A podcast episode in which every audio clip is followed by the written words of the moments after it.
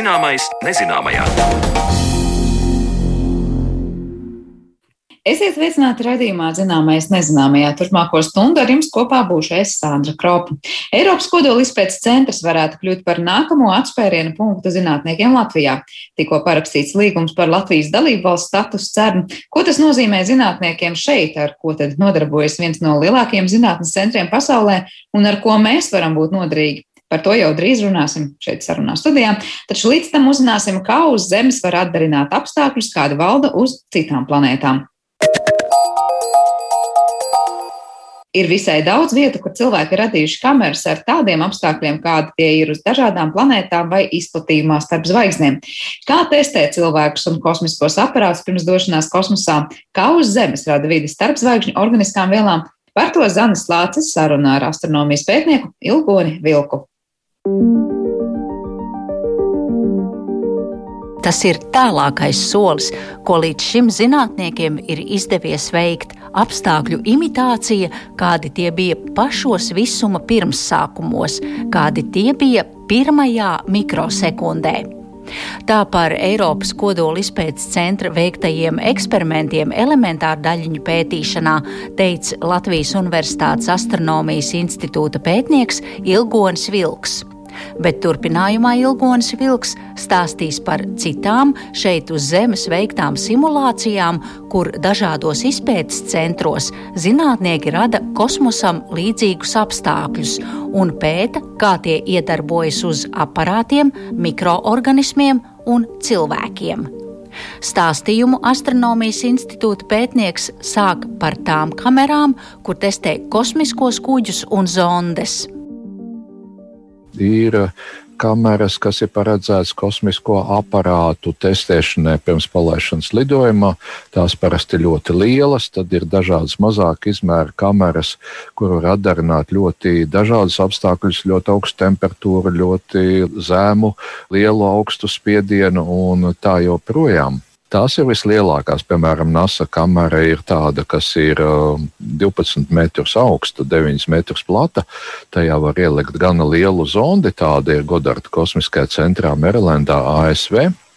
Un tur, piemēram, zonda ieliek uz septiņām nedēļām un pakļauj ļoti lielam augstumam, līdz minus 180 grādiem, ļoti lielam karstumam, līdz plus 150 grādiem. Tāpat laikā lielākā daļa gaisa no kameras ir izsūknēta, tur ir praktiski vakūms. Un, ja zonde to spēj izturēt un tās iekārtas turpina darboties, nu tad diezgan droši var uzskatīt, ka to varēs laist arī kosmosā. Interesanti, ka ir arī tādas akustiskās kameras kurā zondi pakļauj ļoti spēcīgai skaņai. Jo raķete startējot rada tik spēcīgu skaņu, ka cilvēks tūmā atrasties nevarētu. Vienkārši viņam pārplīst bungādiņas tā skaņas spiediena dēļ. Tas skaņas skaļuma līmenis sasniedz 150 decibelus.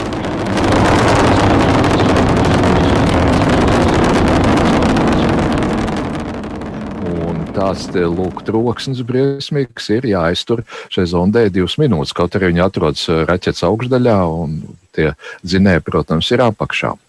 Tad, piemēram, ir arī tādas centrifūgas, kur eh, pat 2,5 tonnas lielu kravu var iegriezt līdz pātrinājumam, ka tās kravas svars palielinās 30 reižu nu, cilvēks tādiem pātrinājumiem nepakļauj. Šīs eh, centrifūgas domāts tiešām tikai kosmiskās tehnikas izmēģināšanai. Tādā veidā tiek imitēti apstākļi, kas rodas lidojuma laikā, lidojot starp planētām. Vai arī nu jā, lidojuma paceļoties, arī šie lielie pātrinājumi tādas iespējas mūsdienu tehnikā ir. Sakiet, kā ir ar cilvēkiem? Mēs zinām, ka astronauti trenējas īpaši veidotās centrifūgās, bet kā ir ar bezsvaru stāvokļa radīšanu šeit uz Zemes? Ja runājam par bezsvaru apstākļiem, lai nākamie kosmonauti, astronauti nu, saprastu, kas viņus gaida. Ir kosmiskajos centros arī centrifūgas, kur viņus trenē kosmonauts pakļaut līdz apmēram 7-8 kārtīgai pārslodzei, kas viņiem varētu tikt piedzīvot starta un nolaišanās laikā. Tad ar bezsvaru apstākļu limitāciju ir sarežģītāk. Nu, cilvēkam jāatrodas brīvajā kritienā, bet nu, pat no augsta torņa, kas kritiens būtu nu, tikai dažas sekundes. Un, savukārt, ja izlaiž ar izpletni, tad gaisa pretestība cilvēku nobremzē, un tas vairs nav pilnīgi brīvais kritiens. Tāpēc ir izdomāta speciāla lidmašīna. Tāda ir gan ASV, gan uh, Eiropas kosmiskās aģentūras rīcībā, kas stāv uz ceļa augšup un tad pārtrauc darbināt dzinējus, un kādu laiku lidmašīna slīd uz augšu, bet arvien lēnāk, un pēc tam pagriežās un krīt uz leju. Un tad ir tāds bezsvaru stāvoklis apmēram uz pusminūti. Tad ir atkal viena laižās lejā, griežās uz augšu, tad ir neliela pārslodze, atkal nākamais pacēliens, atkal pusminūte bezsvaru stāvoklis, un tādā treniņa reizē kādas 20 reizes tas ir jāpārdzīvo. Nu, reti kurš sākumā iztiekot bez nelabas dušas. Turpinājumā Ilgonis Vilks stāsta par tādām kamerām, kur tiek imitēti starpzvaigžņu apstākļi, un šādos apstākļos veidojas organiskās vielas. Tiešām ir tādas kameras, kas spēj radīt gandrīz uh, pilnīgu vakumu. Piemēram, tāda ir arī Spānijā, astrobioloģijas centrā, kur ir uh, tāda jau diezgan ļoti konkrēta pētījuma. Tur ir tāda gandrīz pilnīgs vakums, tā kā starpzvaigžņu vidē, un tur ir uh, izveidota tāda virsma, uz kuras var audzēt, nu, teiksim tā, izsaldēt dažādu vielu ledus veidā, tāpēc, ka temperatūra kamerā ir minus 265 grādi, tuvu absolūtai nulē. Un tur izsaldē tādas vielas, nu, kā ūdeni, oglekļa monoksīdu, jeb tvana gāzi, oglekļa dioksīdu un citas, pētot, kā viņas savā starpā savienojas un apstaro ar ultravioleto starojumu, kas piegādā enerģiju tādā veidā, imitējot apstākļus, kas ir starpzvaigžņu vidē gāzu un putekļu mākoņos, kur šādi procesi notiek dabiskā veidā. Un tiešām ir parādīts, ka ievietojot relatīvi vienkāršas vielas šādā kamerā, pēc laika iegūstam sarežģītākas organiskas vielas, un NASA ir likusi iekšā šādā kamerā tādus relatīvi vienkāršus ogļūdeņražus, kuri pārveidojās pakāpeniski šajos apstākļos, ļoti zemā temperatūrā, zemā spiedienā un ultravioletāstāriem iedarbībā, jau veidojot diezgan sarežģītas organiskās vielas. Tādā veidā zinātnieki uz Zemes imitē šos apstākļus un parāda, ka kosmosā var veidoties organiskas vielas, kas tur arī ir atklātas. Vai zinātniekiem ir izdevies eh, radīt tādus apstākļus, kādi tie ir uz Saules? teiksim tā, saules virsmas apstākļus, jā, patiešām tuvu tam ir iespējams imitēt un pat vēl vairāk. Tiesa, tas nav zinātniski pētnieciskā laboratorijā, bet tā saucamajos stellarātoros, kuros notiek kodola termiskā reakcija, un tā notiek fantastiski augstā temperatūrā. Tur tiek sasniegti 100 miljoni grādu. Tas ir daudz vairāk pat ne tikai kā uz Saules virsmas, bet uh, pat vairāk kā Saules uh, centrā, iekšā. Savukārt, ja runājam par ļoti lieliem spiedieniem, kādi tiešām ir uh, planētu centrā vai dziļi iekšā Saulē, tad ir sasniegts, saspiežot ļoti niecīgu kripatiņu osmija, kas ir metāls, ir sasniegts 770 gigapaskālu spiediens, kas ir divreiz lielāks spiediens nekā mūsu planētas Zemes centram. Tiesa, vienlaikus sasniegt lielu spiedienu un ļoti augstu temperatūru, kā tas ir zvaigžņu iekšienē, tas nav pagaidām iespējams. Un kā ir ar mēnesi, uz kura nav nekāda spiediena? Nu, kas attiecas uz mēnesi, tad uh, mēnesis apstākļi ir uh, relatīvi līdzīgi starpzvaigžņu vidē. Tādā nozīmē, ka tur ir gandrīz pilnīgs vakums, tik vien kā uz mēnesi virsmas mainās temperatūra apmēram no mīnus 180 grādiem līdz plus 120, 130 grādiem. Un tas uh, mūs noved pie dažādu planētu apstākļu modelēšanas kamerām. Un tādas ir, un tās ir ļoti dažādas. Ir kameras, piemēram, ir NASA tāda Glena ekstremālais vides eh, izmēģinātājs Ohio štatā, kas var sasniegt tādu spiedienu, kāds ir uz Veneras. Tas ir ļoti liels, 90 reizes lielāks nekā šeit uz Zemes. Tāds kā būtu nolaižoties okeānā 900 metru dziļumā, kur parastās zemūdens nevis nevar atļauties nolaisties, viņas tiktu saspiestas. Un 500 grādu temperatūra. Tiesa, šāda kamera ir relatīvi neliela, nu tā kā tāda leduskapja vai veļas mašīnas lielumā. Vēl lielāku uztaisīt ir grūti, tāpēc, ka ir milzīgs spiediens, ir vajadzīgas ļoti biezas sienas, lai šī kamera neuzpūstos un neizjuktu. Un tad ir atkal nu, vairāk tuvu otrai galējībai, kas imitē Marsa apstākļus, kur savukārt ir nepieciešams zemes temperatūras, teiksim, minus 50 grādi, minus 100 grādi un vairāk, un spiediens ir ļoti neliels. Spiediens ir simt reizes mazāks nekā šeit jūras līmenī uz zemes. Un piedevām vēl šajās kamerās liek iekšā dažādu gāzu sastāvu, Marsa atmosfēras galveno sastāvdaļu ogleskābo gāzi, bet pievieno vēl arī dažādas citas gāzes, diezgan precīzi imitējot Marsa apstākļus. Šādas kameras pasaulē ir gana daudz, ir Itālijā, Padujā, piemēram, Vācijas Eirokosmiskajā centrā, Zviedrijā, Edinburgā, Skotijā un vēl notiek arī daudz kur citur. Šīs kameras parasti nav sevišķi lielas, nu, teiksim, tā kādas mikroviļņu krāsnes izmēros. Un tās ir aprīkotas ar dažādiem sensoriem, kas ļauj nomērīt, kas tur iekšā notiek. Kāda ir temperatūra, mitrums, spiediens, kāds ir gāzes sastāvs. Un ko tad tur var likt iekšā un testēt? Tur var likt iekšā gan dažādas materiālus, Piemēram, ir pētīts, kā dažādas vielas nu, uzkrājās uz minerālu virsmas, aminoskābes un olbaltumvielas. Tur var likt iekšā arī mikroorganismus, cik tie ir dzīvotspējīgi Marsam pietuvinātos apstākļos. Un vēl viena ļoti interesanta kamera ir tāds vides šķidruma simulators, kur simulē nevis lūk atmosfēru, bet dažādus šķidrumus Un uh, šie šķidrumi jau tiek veidoti tādi, tādiem sastāviem, kāds varētu būt uh, Marsa pazemes ūdeņos vai, piemēram, zem Jupitera pavadoņa Eiropas ledus virsmas. Un tur arī tiek izmantots ultratēs starojums un pētīts, kā dažādas ķīmiskās vielas šādos apstākļos uzvedas. Tā kā pat tais vietās, kur cilvēki vēl nav bijuši, ne Marsa pazemē, ne uz Jupitera pavadoņiem, jau vismaz sagaidāmie apstākļi tiek simulēti. Par kosmosa vidas imitāciju uz Zemes stāstīja Latvijas Universitātes astronomijas institūta pētnieks Ilgons Vilks, un ar viņu sazinājās mana kolēģe Zana Lāce. Bet raidījuma turpinājumā skaidrosim, cik tālu esam, lai kļūtu par pilntiesīgu CERN dalību valsti.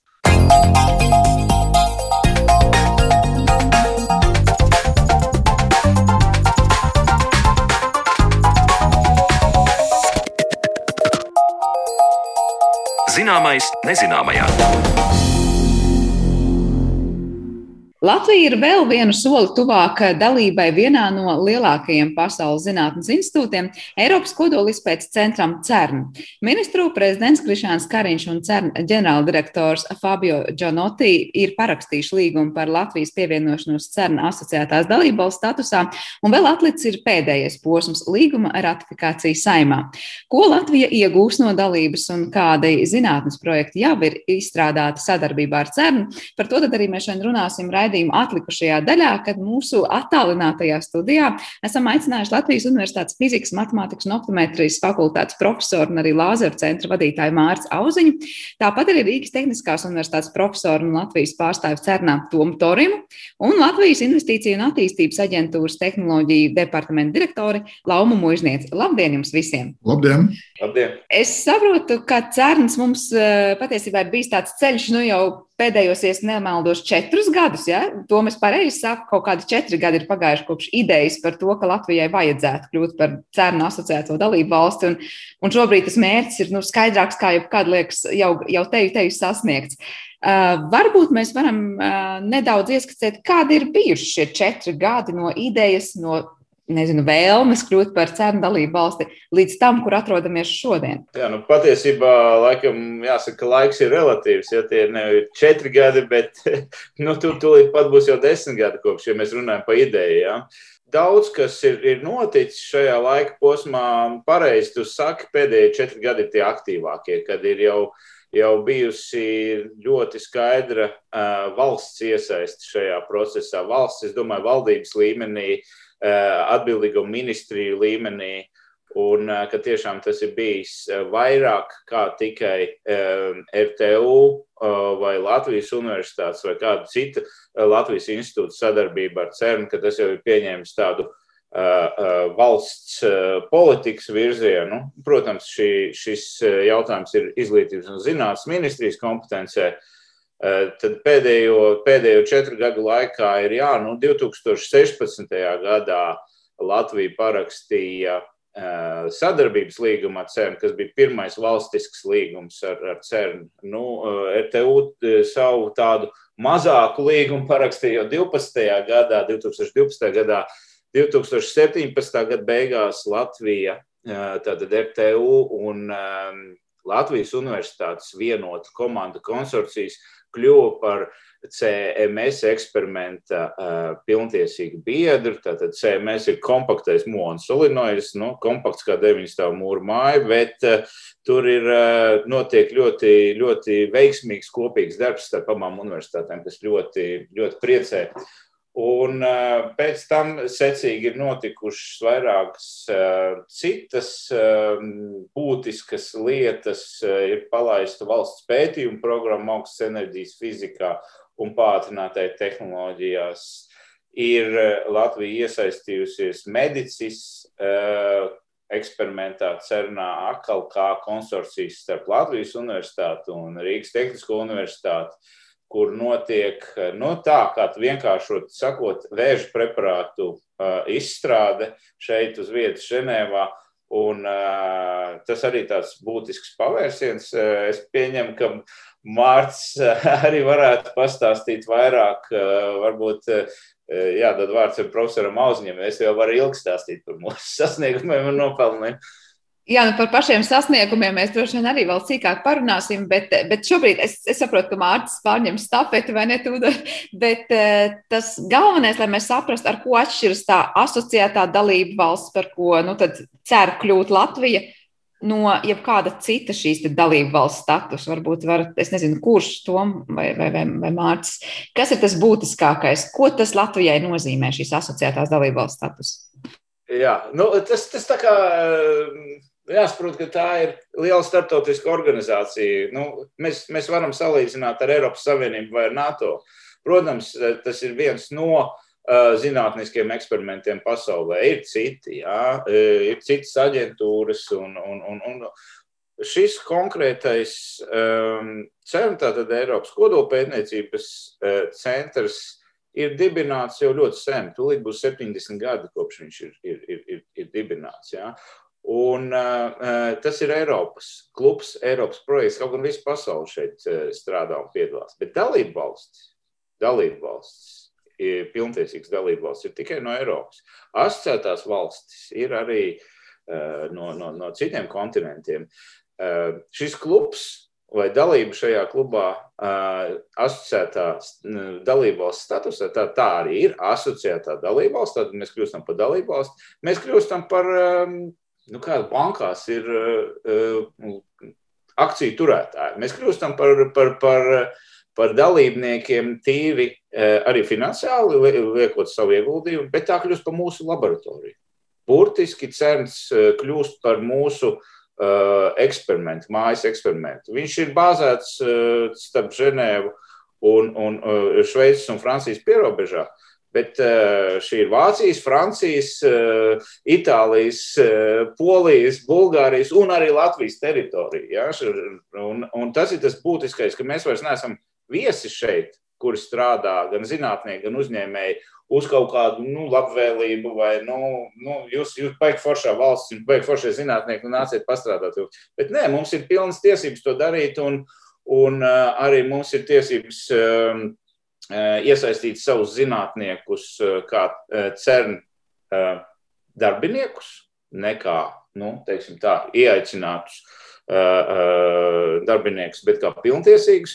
Uzņēmējiem ir tiesības piegādāt cernam savus pakalpojumus un preces Latvijas uzņēmējiem. Protams, asociētā valstī ir limits. Mēs piemaksājam vienu miljonu šveicis franku, vienu miljonu šveicis franku mēs varam aizvest atpakaļ. Tad, kad mēs kļūstam par pilntiesīgu, un tur ir tā starpība, mēs maksājam to pašu naudu, bet nav limita nav augšējā limita. Un mums, kā mazai valstī, loģiski saprotam, skaidrs, to ir jātiecās tāpat kā Igaunijai un, un, un Lietuvai. Jā, par to, kā mums un mūsu kaimiņiem veicas tajā visā, arī droši vien vēl var parunāt, bet nu, gan ķersimies klāt tai, tai zinātnē, kā Toms tikko raksturoja, tad, nu, var teikt, nu, tā cērna vieta šobrīd ir mājas arī Latvijas zinātniekiem ar Latvijas zinātniekiem svarīgiem eksperimentiem. Mārts, varbūt došu jums vārdu. Kas ir tas, kā Latvijas zinātnieki šobrīd un tuvākajos gados var izmantot cernu un, kā saka, būt noderīgi gan cernam, gan arī paši smelties no turienes, ko sev ļoti būtisku. Nu, kā jau Toms teica, ka, ka šis process sākās uh, samērā sen, un droši vien, uh, ja mēs jautājam, kad viņš sākās, tad atkarīgs no tā, cik sen mēs šajā procesā esam iekšā. Jo es atceros, vismaz 20 gadus atpakaļ, kad Latvijas Universitātē notika sarunas ar CERN vadību par Latvijas iestāšanos šajā organizācijā. Līdz ar to tas process ar lielākiem un mazākiem pacēlumiem ir gājis ļoti daudzus gadus. Un šo, šobrīd mēs esam tādā, es teiktu, fantastiskajā brīdī, ka mēs esam kļuvuši par CERN dalību valsti.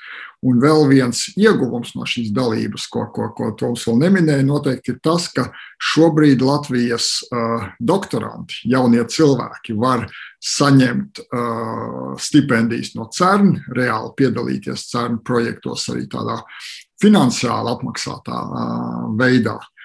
Un varbūt, ka ja mēs gribam iezīmēt vēl, vēl vienu uh, aspektu, tad viens projekts, kurā uh, Latvija šobrīd ir iesaistījusies burtiski pēdējo mēnešu laikā, uh, ir uh, viens no spektrā no ļoti akadēmiskiem pētījumiem. Jo es domāju, ka vēl viena CERN priekšrocība ir tā, ka tur var atrast savus pielietojumus ļoti dažāda. Eh, tipa cilvēki, ja tā var teikt. Kādam patīk ļoti praktiskas lietas darīt, un eh, to pieminētā vēža preparātu pētīšana patiesībā un vēža preparātu atrašana ir ļoti praktiska lieta. Un varbūt arī spektra otrajā galā, kurā šobrīd Latvija arī ir iesaistījusies, ir eksperiments, kas saucās antiprotonu palēninātājs. Bet, ja mēs mēģinām saprast, ko cilvēki tur dara, tad viņi mēģina risināt vienu ļoti fundamentālu jautājumu par antimatēriju.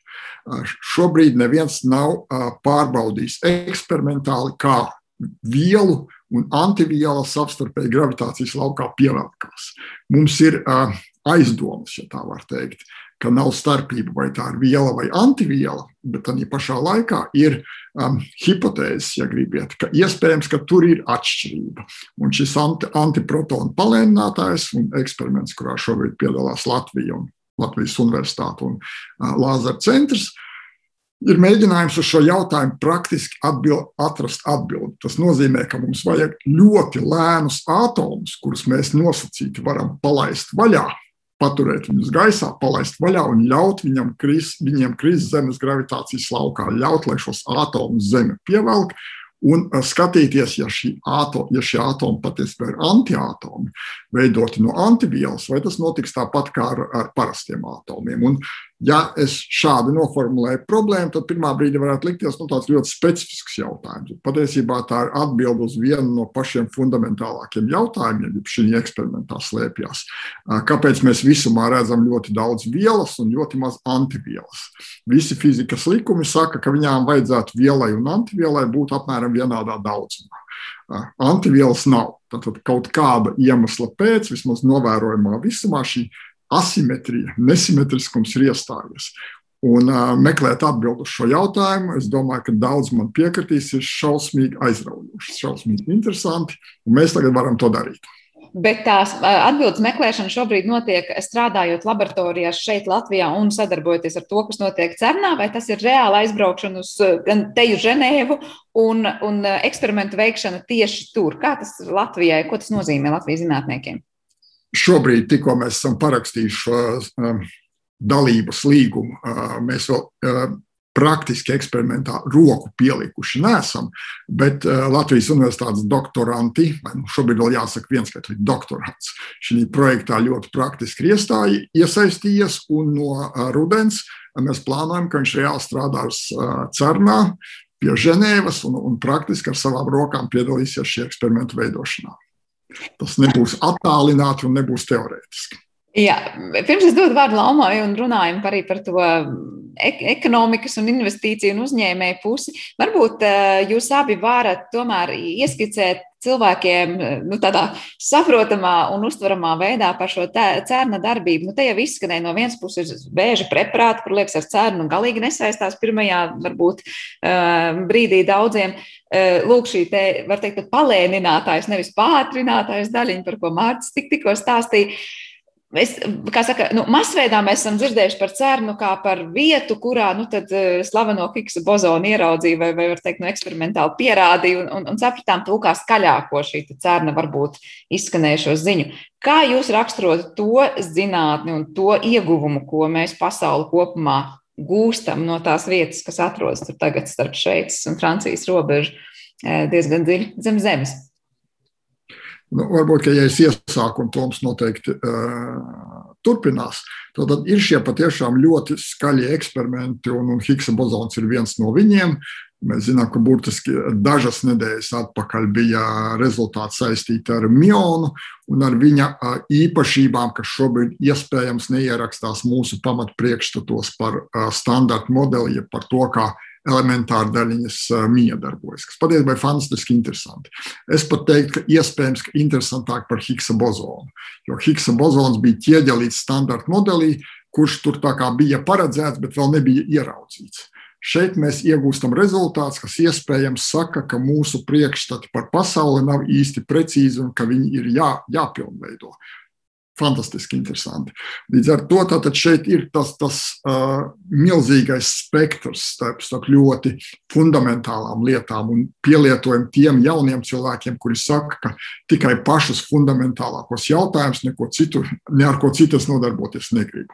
Un ir uh, tikpat labi un tikpat cienījami otrs pētījums, tā kā spektra gals, kur es saku, ja es neredzu praktisku pielietojumu, kā to var izmantot, tad man nav interesanti. Viss šis spektrs ir pie, pieejams, un vēl vairāk, pat tad, kad mēs nodarbojamies ar šīm ļoti fundamentālām lietām, tās metodes, ko mēs izveidojam, tās uh, pieejas, ko mēs izveidojam un attīstam, uh, patiesībā kļūst ļoti noderīgas. Te var at, at, atcerēties uh, vairāk fiziķu teorētiķu.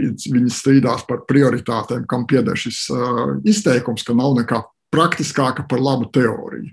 Mums šķiet, ka mēs nodarbojamies ar ļoti abstraktām lietām, un patiesībā tās tehnoloģijas, tās idejas ienāk mūsu ikdienā. Nu, tāds triviālākais piemērs mēs visi zinām, ka internets, kurš ir pamats tam, kā mēs šodien varam sarunāties, savā laikā radies CERN kā, kā ļoti kā. Um, ar praktisko pielietojumu, no praktiskā pielietojuma ļoti tālu lieta. Jā, cernam patiešām ar internetu ir diezgan cieša saistība. To varbūt piebildīs, kas, kas e, būtu nu, noteikti jāliek to cerna zinātnisko aktivitāšu sarakstā bez tā, ko jau tikko dzirdējām. Jā, nu, jā, jāsaprot, ka cerns ir nu, diezgan padārgs uh, pasākums. Tomēr, uh, kāpēc viņš ir padārgs? Tāpēc, ka uh, šeit šī organizācija investē cilvēkos, smadzenēs. Tas ir tas, tas dārgākais, kas šeit ir. Ir, ir labākie uh, zinātnieki uz kādu laiku, kuri piedalās CERN aktivitātēs. Ja? Un šis tas pamatdarbinieku pulks ir samērā neliels, tie ir kaut kādi 2000 cilvēki, un apmēram 14,000 grozās apkārt, tā vai citādi. Un eh, līdz ar to eh, nu, viņš ir diezgan padārgs pasākums. Tātad budžets cenam ir viens miljards. Uh, otrs izdevuma pozīcija ir, protams, tehnoloģijas un infrastruktūra un tā tālāk un tā joprojām. Uh, Nu, un eh, tad, eh, ja, ja mēs paskatāmies uz, uz šo eh, nodokļu maksātāju naudu, arī tagad nu, no vasaras tā būs Latvijas nodokļu maksātāja nauda, protams, nesalīdzinām mazāk nekā Vācija vai, vai Itālija vai Spānija maksā šai dalībvalstī, ir jātaisno tīri praktiski arī šīs organizācijas darbība. Un viena lieta ir, ir, ir sasniegumi uh, zinātnē, kā profesors Auziņš teica, Higsa bozons, eh, tagad miona uh, jaunā, kas apgāž Einsteinu iespējams, jā, pavērsiens standarta modeli. Ir, ir šie fundamentāli būtiski atklājumi, kur ir, ir vajadzīgi. Un tam blakus ir, kā es vienmēr saku, uz vienu fiziķu 20 inženieri, kuri mēģina šos neiespējamos risinājumus um, izpildīt arī nu, mēs, piemēram, strādājam pie tādām tehnoloģijām, kuras nu, nav, nav šobrīd vispār, uh, viņiem nav analogu. Mēs, mēs mēģinām šeit cenā viņas no idejas, no trakas idejas eh, realizēt, eh, realizēt dzīvē, un tur ir tas praktiskais pielietojums no visiem šiem, šiem nu, tādiem te, e, eksperimentiem un tehnoloģiju sasniegumiem, ka tas nāk atpakaļ ražotājiem. Ja? Pa pusvadītājiem varam runāt. Mēs zinām, kā labāk elektrību pārvadīt. Skārienu jūtīgais ekrāns ar no šejienes un tā tālāk, un tā joprojām. Un tas notiek nevis aizvakarā, ja, kad tas notiek šodien. Tā, tās visas lietas šeit, šeit attīstās, un tur ļoti, ļoti labi tas sasaistās ar, ar mūsu uzņēmēju iespējām. Tātad CERNS nodarbojās ne tikai ar augstas enerģijas fiziku, kas ir tas pamats kas ir cenu konstitūcijā rakstīts, bet arī sociālajām lietām. tādām, kas ir labas sabiedrībai. Un, ja jūs paskatāties, piemēram, uz pagājušā gada CERN visvairāk apskatītajām vietnēm, viņu Facebook, Instagram un mājaslapā, ir, ja mēs nerunājam par augstas enerģijas fiziku, ir kuģu izplūdes gāzes Eh, attīrīšanas projekts, kurš bija eh, Rīgā, kurš tika veikts. Tas ir visvairāk apmeklētais, visvairāk visu pasauli interesējas. O, cenas arī kaut ko dara tādu, kas ir pielietojams, nu, kas ir labs eh, planētai, kas ir labs sabiedrībai kopumā. Turpat tās ir, ir šī vēža ārstēšana un viss pārējais spektrs šo tehnoloģiju pārneses. Tātad, Tātad praktiskais pielietojums eh, ļoti dažādās, sākumā varbūt liekas ar cernu nesaistītās jomās. Laumai man jautājums, mēs te jau piesaucām šīs investīcijas un uzņēmumus un uzņēmējus. Eh, kas, jūsuprāt, būtu tās jomas, kas no Latvijas šīs asociētās dalībvalsts status iegūtu visvairāk un būtu gatavas iegūt visvairāk? Uh, jā, es teiktu, uh, gluži kā jau, kā jau, uh, kā jau Toms pieminēja, uh, tās, tās sadarbības iespējas, tie da, sad, sadarbības virzieni ir ārkārtīgi dažādi un tiešām ļoti daudz. Un, uh, un uh, Latvijas tā, kā, kā asociētās dalību valsts status ļauj uh, Latvijas uzņēmējiem uh, arī piedalīties dažādos cernu iepirkumos. Un uh, šie iepirkumi gan ir tiešām visiespējamākajām jomām, sākot no papīra pakām, saspraudēm līdz pat, piemēram, tā, tādām lietām kā, kā radiāciju, radiācijas drošs betons. Līdz ar to, kas, starp citu, arī ir viens no, viens no, viens no projektiem ar Latvijas uzņēmumu Primex Group, kas, kas jau norisinās. Nu, lūk, līdz ar to tās, tās jomas ir ļoti dažādas. Protams, ir jomas, kur, kur saskara ir vis, visizteiktākā, piemēram, informācijas komunikācijas tehnoloģijas, kur Latvijā arī ir ļoti daudz uzņēmumu, kas tieši šajā jomā darbojas. Un var faktiski piedāvāt dažādus risinājumus. Tās ir arī dažādas datu apstrādes, da, dažādi datu apstrādes risinājumi. Un, protams, arī viens no ļoti, ļoti būtiskiem sektoriem Latvijā mašīna apstrāde un, un, un arī, arī, arī šī joma. Līdz ar to, protams, šie uzņēmumi, kas darbojas šajās jomās, var iegūt ļoti daudz no, no šīs te, no šī statusa Latvijai. Tas, kur es sāradzu un ceru nākotnē arī, arī kaut, kādu, kaut kādu sadarbību būtu dažādi arī, piemēram, mazi, ļoti zinātņu ietilpīgi uzņēmumi, kuri sāk savu darbību un kuri varētu arī atrast dažādas sadarbības iespējas tieši tādos pētniecības projektos. Ne tikai, ne tikai dalība iepirkumos, bet arī pētniecības projektos. Bet runājot par tiem kritērijiem, es saprotu, ka viens no kritērijiem, kas bija nu, jāizpild, lai kļūtu par asociēto dalību valsts Latvijai, tad, ka Latvijas industrijai jābūt ar atbilstošu kapacitāti, kas ļautu veiksmīgi piedalīties cenu iepirkumos. Kas ir šī atbilstošā kapacitāte un vai mēs varam tiešām teikt, ka Latvijā mums ar to viss ir kārtībā? Nav tā, ka beig beigās mums pateiksim, bet mums nav tik daudz uzņēmumu, kas ir gatavi un vispār var startēt šajos iepirkumos. Jā, protams, attiecīgi par kritērijiem varbūt Toms var nokomentēt precīzāk, taču attiecīgi, protams, vērtējot Latvijas Latvijas iestāšanos tika ņemts vērā, kas ir tās nozares, kurās mums ir uzņēmēji, kurās mums ir ko piedāvāt. Un, un attiecīgi, tās arī, tās arī ir, ir tās, kuras es jau, es jau pieminēju. Un svarīgākais, protams, arī ir ne tikai tā kapacitāte, uzņēmuma kapacitāte, bet arī spēja savest kopā uzņēmumus ar, ar CERN. Jo ir ļoti svarīgi, mums var būt kapacitāte, bet ja nav mehānismu, kā nodrošināt, ka uzņēmēji arī uzņēmēji, uzzina par tām iespējām, un ka uzņēmējiem arī ir vēlme un tiek izskaidrot ieguvumi, tad nu, šī kapacitāte arī var maz palīdzēt. Līdz ar to ļoti, ļoti, ļoti būtiski bija nodemonstrēt arī to, ka mums ir, mums ir aktīvs dialogs valsts iekšienē, ar, ar, ar, starp, ka mēs varam nodrošināt aktīvu dialogu starp pētniecības organizācijām un uzņēmējiem un valsts pārvaldes institūcijām un attiecīgi arī tad kā teiksim, proaktīvi var darboties, lai veicinātu sadarbības projektus šajās, starp šīm, joma, starp šīm iesaistītajām pusēm. Jā, par uzņēmumiem, vai tam būs tāds vēl komentārs, kur mēs varam teikt, ka izpildām patiešām tos kritērijus un neesam par mazu vai par kā citādi, es nezinu, neatbilstošiem. Jā, nu, teikt, tātad pa, pa mehānismu ir šī Latvijas grupa, CEM Latvijas grupa, kur mēs tiešām ļoti koleģiāli zinātnieki kopā ar uzņēmējiem un, un sociālajiem partneriem un arī attiecīgo ministriju um, ierēģiem mēs, mēs diskutējam un skatāmies, kādā veidā mēs kopīgi varam uh, veiksmīgi sadarboties ar CERN. Uh, nu, no uzņēmēja puses, nu, saprotiet, ja, ja, ja, ja iemaksa ir, ir, ir viens miljons šveicis franku, tie ir cik 870 tūkstoši eiro. Ja pusi no šīs naudas ir, ir zinātniekiem, un pusi no šīs naudas, nu, vai 40, 60, nu, vienalga, tas ir kaut kāds pusmiljons jā, cilvēku tādai nu, saprašanai. Un viena zinātniska iekārta maksā vairākus miljonus vai vairākus desmit miljonus. Piemēram, tādas zinātniskas iekārtas, ko ražo Latvijā. Eh, vides monitoringam vai radiācijas monitoringam ir viens konkrēts uzņēmums. Nezinu, vai šeit var saukt, bet nu, labi, tas ir Baltic Scientific Instruments, kuram eh, nu, šī iekārta, mēs jau šo dalības maksu ar vienu iekārtu, mēs viņu atpērkam momentā. Es nemaz nerunāšu par saftehnikas piedāvājumu un, un par tiem, eh, kur, kur ir arī nu, pilnīgi skaidrs, ka šī, šī vērtība tam, ko mēs varam piedāvāt, ir, ir daudz lielāka nekā mēs momentā varam pat dabūt atpakaļ.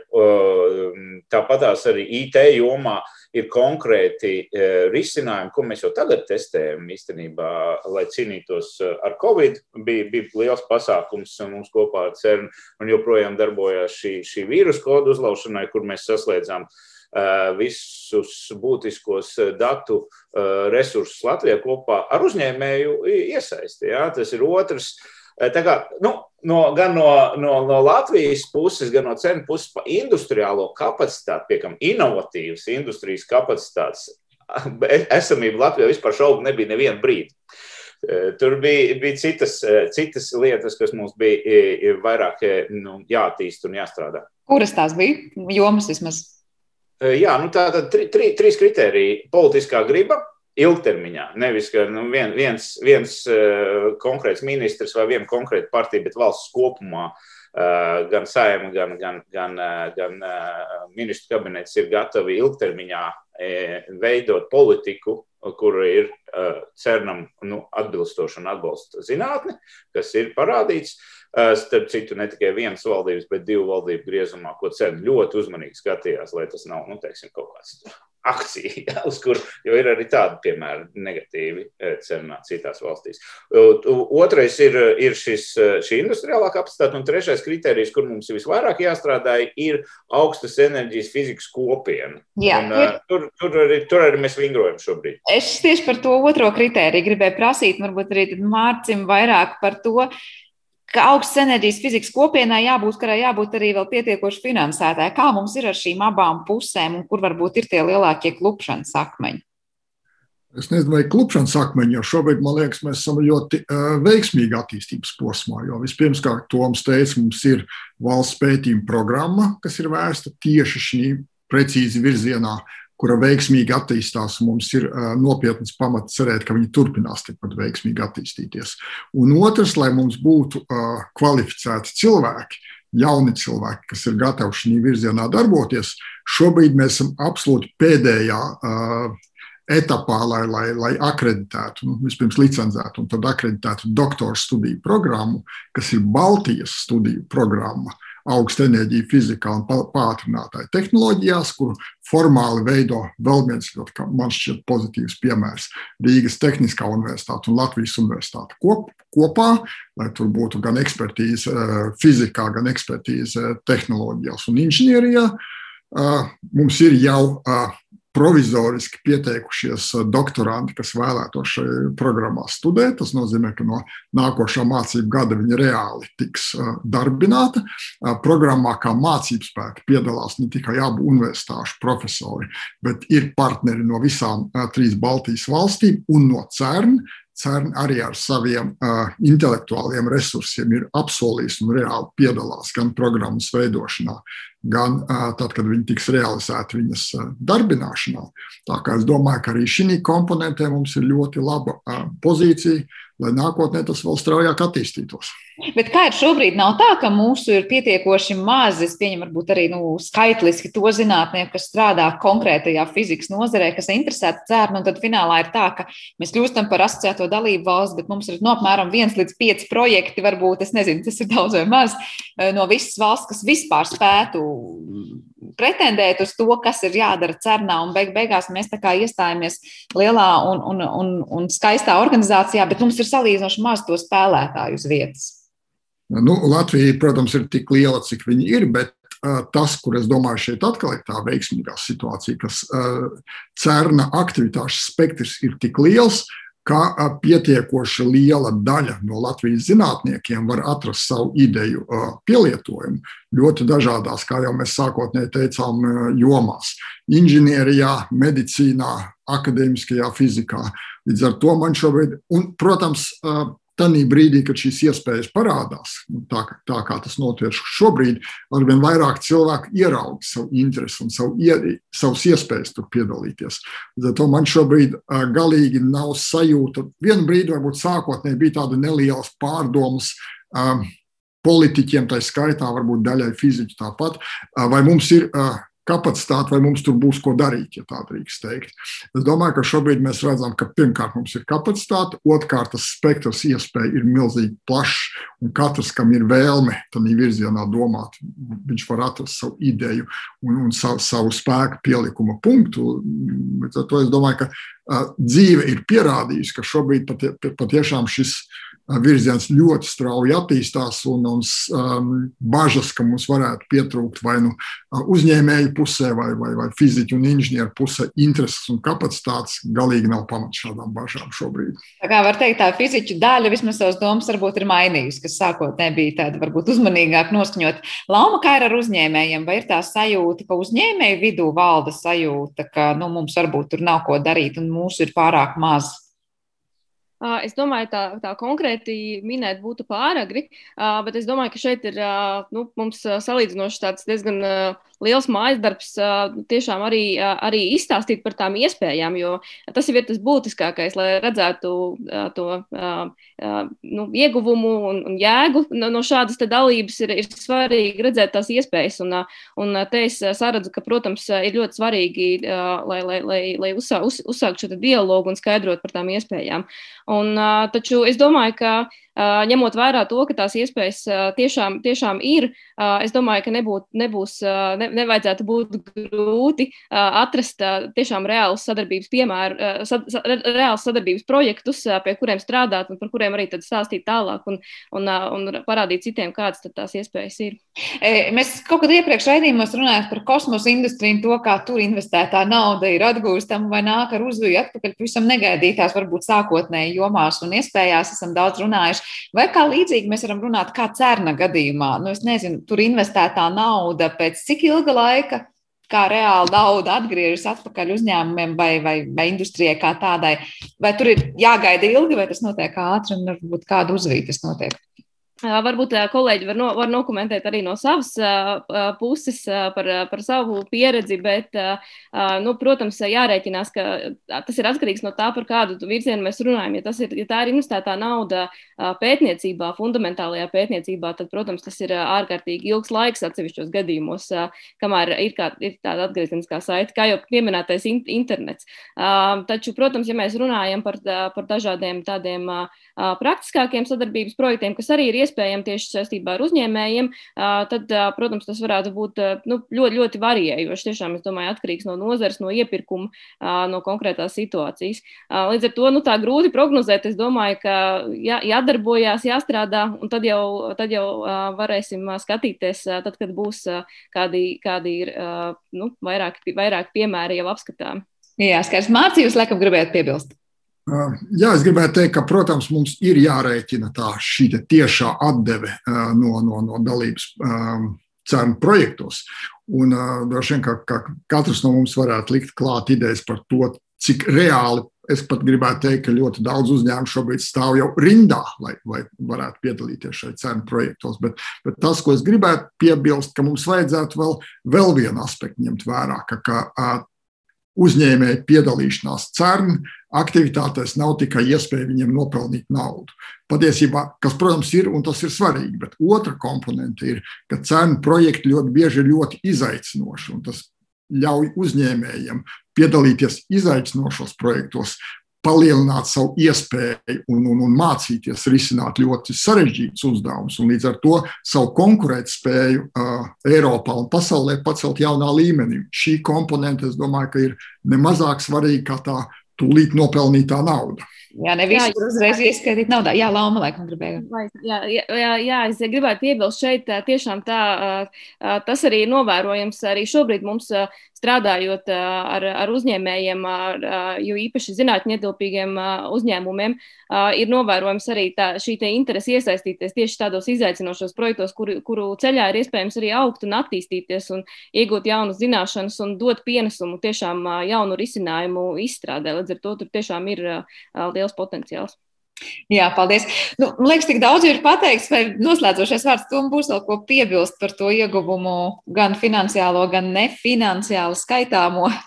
Eh, kas ir tas, ar kādām sajūtām skatāmies turpmāko mēnešu virzienā? Nu, ļoti, ļoti pozitīvi. Jau šobrīd jau Latvijas komanda aug šeit, Cernā, tie tiešām ir, ir, ir eh, jaunie cilvēki, studenti, abu dzimumu, dažādu jomu. Uh, doktoranti, maģistranti, pētnieki, uh, kuriem tiek sniegta iespēja. Es domāju, šeit mēs runāt varam par to, ka mēs mūsu jaunatnē, kā valsts, uh, dodam iespēju, dodam iespēju mācīties, studēt Latvijā un piedalīties pasaules klases eksperimentā šim jaunietim, un es varu minēt konkrētus uzvārdus, nav jābrauc uz Lundu vai uz Porto vai uz Liverpoolu. Viņš to var darīt uh, Latvijā, LU, RTU pēc izvēles un piedalīties superzinātnē. Uh, šeit pat no, no, no, no mūsu pozīcijām, pēc tam atgriezties uh, Latvijā un sniegt Latvijas ekonomikai, uzņēmējiem un arī uh, pētniecības institūtiem savu atdevi. Un tas notiek jau tagad, un tas ir fantastiski. Mēs dodam iespēju. Jā, un tas notiks droši vien vēl vairāk un vēl izteiktāk. Lielas paldies jums visiem trim par šo sarunu. Es tiešām novēlu veiksmi visiem, gan tiem, kas startēs, gan tiem, kas vedīs sarunas par to, kā jāstartē. Eh, atgādināšu mūsu klausītājiem, ka šajā raidījuma pusstundā dzirdējām Rīgas Tehniskās universitātes profesoru un Latvijas pārstāvu Cernātumu Torimu. Tāpat arī Latvijas universitātes fizikas, matemātikas un optometrijas fakultātes profesoru un Lāzera centra vadītāju Mārci Auziņu un Latvijas investīciju un attīstības aģentūras tehnoloģiju departamenta direktori Lauma Mūžniec. Ar to arī šis raidījums ir izskanējis. Par to parūpējās producents Paula Gulbīnska, mūzikas redaktors Girds Bišs. Ar jums kopā bija Sandra Kropa, un mēs tiekamies jau atkal rīt. Visu labu!